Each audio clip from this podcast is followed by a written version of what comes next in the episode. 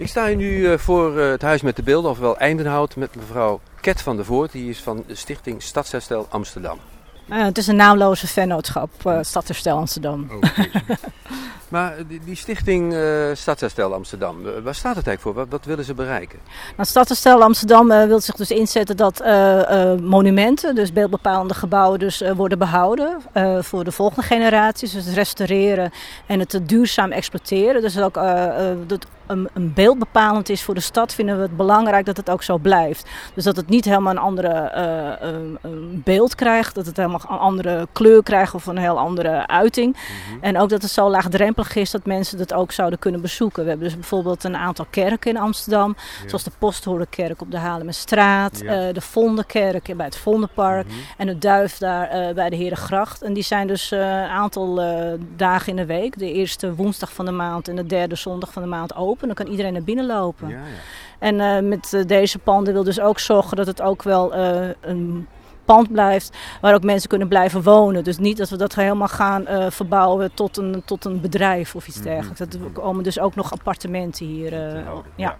Want uh, wat ik wel heel bijzonder vind, we hebben het over Stadsherstel Amsterdam, maar dit is Haarlem. Wat doet dat Amsterdam nou weer in het Haarlemse? Wat denkt u zo?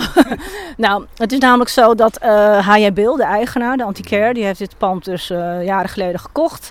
een aantal appartementen zijn al verhuurd. En wat hij dus heel graag wil, is dat dit pand behouden blijft. Dus dat het ook een, een, een woonfunctie blijft behouden. Dat het niet een projectontwikkelaar komt die er dus een bedrijf of iets dergelijks in gaat bouwen.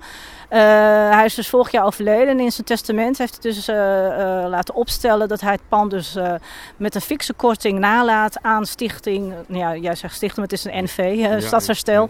Ja. dus aan ons nalaat, omdat wij dus ook bekend staan om dus het behoud van dergelijke panden en met een woonfunctie en dat het ook laagdrempelig is en dat er dus ja, ook het, het pand zo eruit blijft zien zoals het eruit heeft gezien, maar dan wel naar de moderne maatstaven. Dus dat het wel moderne maatstaven bedoel ik dus niet dat het helemaal verbouwd wordt, maar er is dus optrekkend vocht dat we daar ook eventjes dus, uh, wat, wat aan gaan doen natuurlijk ja, bij ja. opknapbeurt. En, en uh, nou, jij zei net al iets over de toekomst van dit huis. Dus het wordt verbouwd tot appartementen. Blijft het ook altijd toegankelijk voor het publiek? Is dat hier ook een...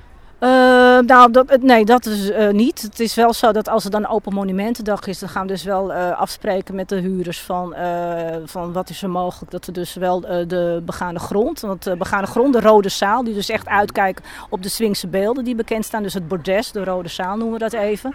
dat is dus van de vorige eigenaar Haya Bill geweest. En dat wordt samen met het souterrain dus opgeknapt tot een woning met een bedrijfsfunctie. Dus het kan zijn, ja noem maar wat, een, of een ZZP'er of een, eh, een boekhouder tot en met ja, misschien een... Uh, en de mensen die er nu in zitten, die blijven er wonen? Die blijven er wonen, oh, ja. ja. Uh... En op één oog is er ook nog een appartement uh, die moet worden opgeknapt. Mm -hmm. En dan volgend jaar wordt het hele pand opgeknapt, want het heeft wel onderhoud nodig. ja.